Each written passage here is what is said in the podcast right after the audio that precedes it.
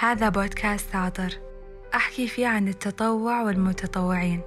أحاول أشبع فيه فضول كل متطوع جديد. وأشجع من خلاله كل شخص. ما جرب لذة التطوع؟ إنه يجرب إدارة الفريق التطوعي مو مهمة سهلة أبدا. تحتاج لمهارات وقدرات كثيرة جدا. تحتاج تكون حازم في مواقف وصاحب بال طويل في مواقف أخرى. تحتاج تكون عندك المرونة في التعامل مع أنماط الشخصيات المختلفة انفتاح على الأفكار الجديدة ويكون عندك دائما خطة باء اللي تتدارك فيها الأخطاء المتوقعة والغير متوقعة. أيضا يعتبر التسويق مهم عند كل صاحب مبادرة أو فريق تطوعي لأن التسويق يلعب دور مهم في مساندة ومساعدة هذه الفرق والمبادرات لأن مهما بلغت قدرتهم واتساع مجال نشاطهم يحتاجون للتسويق عشان توصل أفكارهم ورسالتهم للمجتمع. عشان تكون الحلقة مثرية أكثر معنا اليوم طرايف الحريص قائدة فريق ترف الخير. بدأت من الزلفي مع 25 متطوعة وصولا إلى 517 عضو في مدن مختلفة من المملكة. طرايف الحريص أهلا وسهلا. بداية كيف قدرتي تديرين فريق ما شاء الله متشعب ومنتشر في أنحاء المملكة بالشكل هذا؟ أولا الحمد لله دائما وأبدا. وآخرا شكرا يا الله على ما أنا عليه الآن. إدارة فريق متشعب ومتواجد في ست مواقع في المملكة أمر مو سهل أو موضوع مو سهل صعب جدا. فيها ضغوطات فيها تعب نفسي فيها إنك تشيلين هم فريق كامل طالع المبادرة ميدانية فقط تنتظرين ساعة الختام من هالمبادرة لكن وقتها يجيك جبر خاطر بكلمات المتطوعين ومشاعرهم تجاه هذه المبادرة. كيف عاشوها؟ وكيف شافوا ردود فعل الناس؟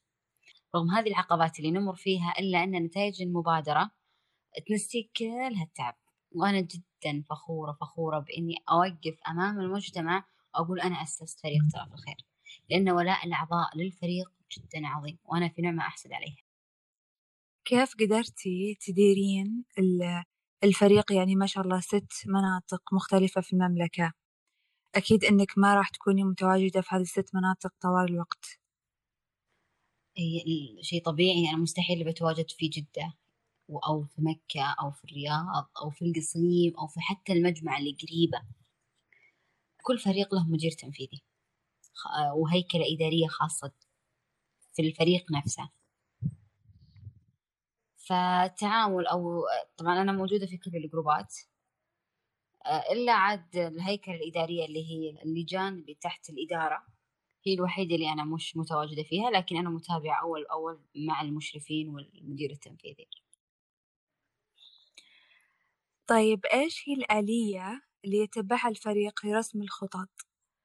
لرسم الخطط عشان المبادرات وعشان البرامج والأنشطة وأيضا طريقة الفريق لتسويق هذه المبادرات أنا ماشية مع الفريق في أمرهم شورى بينهم أن النقاش والأعمال كلها يكون شورى بيني وبين آه، مجلس الإدارة مجلس إدارة الفريق نفسه فقبل الاجتماع اللي نعقده بأسبوع بأسبوعين آه، أنزل يعني إعلان وأقول إن في عندنا اجتماع في اليوم الفلاني التاريخ الفلاني. فعلى كل مدير تنفيذي يناقش إدارته أن إيش حابين نقيم بالمدينة اللي إحنا فيها من مبادرات إيش مقترحاتكم وإلى آخره. حتى الأعضاء لهم يد لهم يد إنهم يشاركونا بأفكارهم. يعني إحنا نعقد برضو مع الأعضاء اجتماع شهري.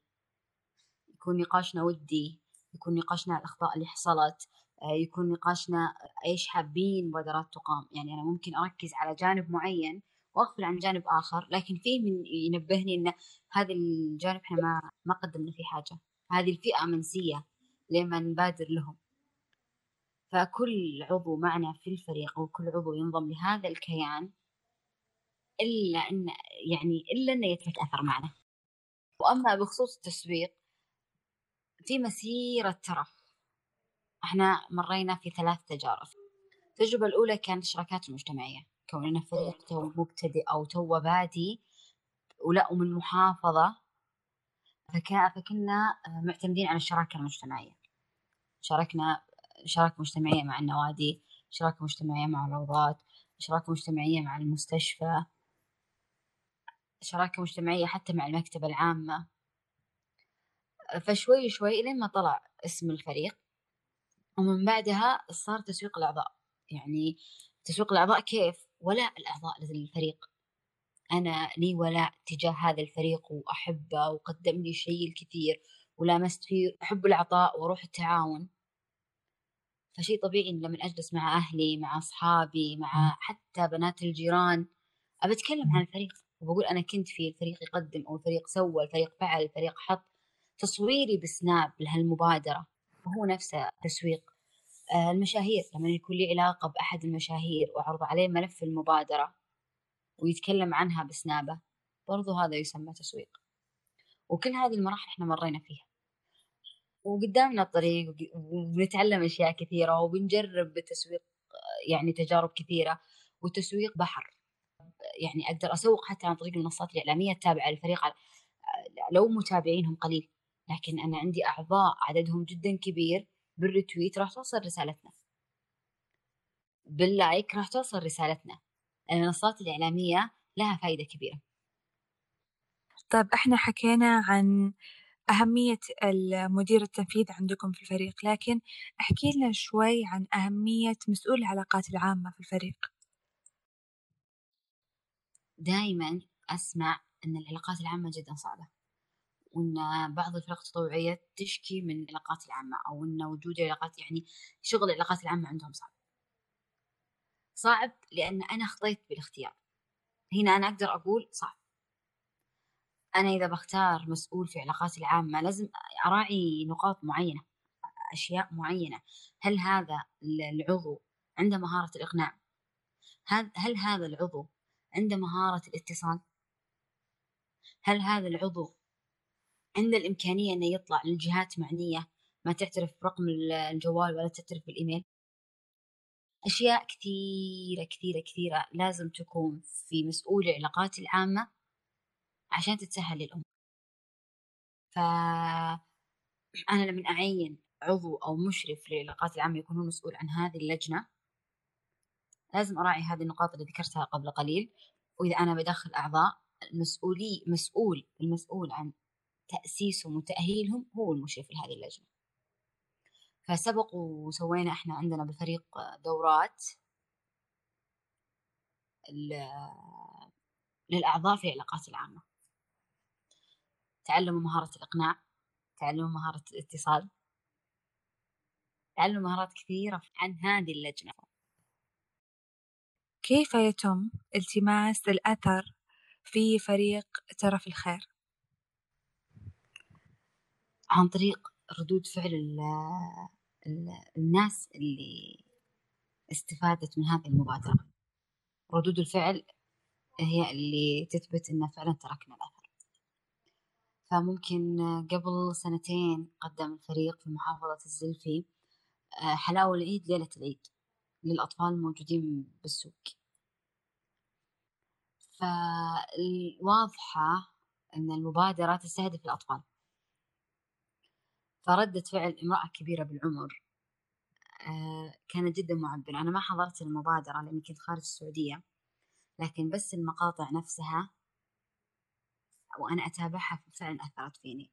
يعني الامرأة خنقتها العبرة أن أنتم يعني شلون قاعدين تبذلون هذا الجهد؟ هل معقولة في ناس كذا تبذل بدون مقابل؟ ف المشاعر المشاعر كانت الدموع كانت تحكي عن مشاعرها. ما شاء الله طرايف مسيرة عاطرة في هذا المجال. مين قدوتك وملهمينك في عالم التطوع؟ أمي هي ملهمتي الأولى فيها في عالم التطوع. من القصص اللي كانت مع أمي الله يحفظها ويطول في عمرها اللي هي آه، لما كنت صغيرة طبعا أنا ما شاء الله من الأطفال اللي يجون من المدرسة ويحكون أحداث يومهم بالتفصيل لأمهم. فكانت من ضمن الأحداث اللي أحكيها لأمي إن يوم في فلانة أخذت مني ريال سلف. آه، يوم اليوم الثاني يوم ترى فلانة ثانية أخذت مني ريال سلف. طبعا هذول الطالبتين آه، وضعهم المادي يعتبر سيء نوعا ما. فكانت تقول لي لا تاخذينه خلي له وجه أنا كنت أرد إن هي قالت سلف ما قالت أعطيني أنا محتاجة. فكانت تقول حتى لو خلي لي وجه الله. ف هذه العبارة حقت أمي بذهني إنه يعني صارت تراودني دايم. فكل ما أخذوا مني شيء ما أقول لهم رجعوه أو شيء كنت أسكت. فكانت أمي تزود أصلا مصروفي على أيامنا قبل كان في تبرعات اللي هي كسوة الشتاء بريال أو سهمي بريال أو ثلاثة ريال أو خمسة ريال يعطون عليها وقت ما أدري إذا كانت مرت عليكم أو لا. فكانت أمي تزود بمصروفي عشان أبادر. تقول لي روحي بادري وأدفعي. صدقة. يعني شوي شوي نما أو انزرع. هذا الشيء فيني إلين ما كبرت. الأنشطة اللاصفية كانت دائما تقول لي لا شاركي الأعمال اليدوية برضو الأنشطة اللاصفية البرامج اللي تصير في المدرسة. كانت دائما تخليني إلا أبادر وأشارك معها إلهام أمي لي بطريقة غير مباشرة إلين ما نمى هذا الشيء وكبر بداخلي. طبعا الأشخاص كثير لكن أمي أحد هذه الأشخاص وأيضا الأستاذ رائد المالكي. أتوقع آه، معروف هذا الأستاذ. ممكن إنه مر عليك دامك إنسانة متطوعة. فعلا أنا أستلهم منه أشياء كثيرة وأقتدي فيه بأشياء كثيرة. فممكن من الأشياء من الأشياء الكثيرة اللي أنا اقتديت فيها آه، الحزم في القرارات. فأذكر كنت أستشيره في بعض المرات يقول لازم إني أتخذ قرار. أنا أردد إني أتطوع لكن لما جربت العمل معه تمام هو المجال يختلف نوعا ما لكن فعلا حتى لو كان تطوع أنا لازم أنا هدفي أساسا إني أنشئ جيل متمكن بالعمل. ما ما يطلع من عندي شباب هدفهم شهادة. طيب هدفك شهادة وأخذت عليها شهادة. بتكون ركيك في العمل ما تقدر تنجز المهمة اللي مسكتها. الشهادة اللي أنت استلمتها تكون أنت قد أنك استلمتها وفعلا شخص يعتمد عليه. فالهدف أني أنا أنشئ جيل أو يطلع من فريق ترف الخير. شباب متمكن بالعمل والتطوع. فاستلهمت آه، الحزم بقراراته. حتى لو كان تطوع في حزم لكن ممكن يكون بلين نوعا ما. إيش نصيحتك للمتطوعين الجدد ولقادة الفرق الناشئة؟ على كل متطوع بيدخل أو كل شخص بيدخل في مجال التطوع يلقب بمتطوع أول شيء الإخلاص لله. قبل كل عمل ميداني بيطلع له أو قبل كل عمل إلكتروني بيسويه يخلص النية لوجه الله عشان يشوف البركة والتيسير من الله سبحانه. الفرق الناشئة آه، قبل لا تنطلقون تأكدوا أنكم أنتم راح تستمرون بهذا العالم. مو أن نكون موجودين لمدة سنة وبعدها نختفي. جميل جميل جميل جدا ترك الأثر فخليكم قد الشيء اللي أنتم مسكتوه وخطيتوه. وحببوا الناس معكم بالتطوع وعليكم بالشراكات المجتمعية. بدايات الفرق التطوعية أو بداياتكم بدايات انطلاقتكم مستحيل راح تكون لكم سهلة أو أنكم راح تمشون بطريق ما في شوك لازم تتعبون. أنتم تبون توصلون لشيء جدا عظيم وأنكم تتركون أثر من خلفكم لازم تتعبون. ولا ما راح تحسون بلذة العمل اللي أنتم جالسين تقدمونه. القادة اللين والرفق بالأعضاء كونوا شديدين معهم بالعمل لكن لا تنفرونهم من التطوع. مكنوهم بالعمل وكونوا قدوة له ختاما إدارتك لفريقك التطوعي تعتمد عليك بشكل كبير. تحليك بالحكمة واستخدامك للسوشيال ميديا بطريقة صحيحة وأيضا تعلم وسائل الإقناع مو بس يساعدك توصل للفئة المستفيدة وتلتمس الأثر يساعدك توصل لمتطوعين آخرين يحملون نفس الرسالة ونفس الهدف أو يوصلك لأشخاص آمنوا بفكرتك ويحبون يدعمونها. أنا عبير عبد العزيز وهذا بودكاست عطر.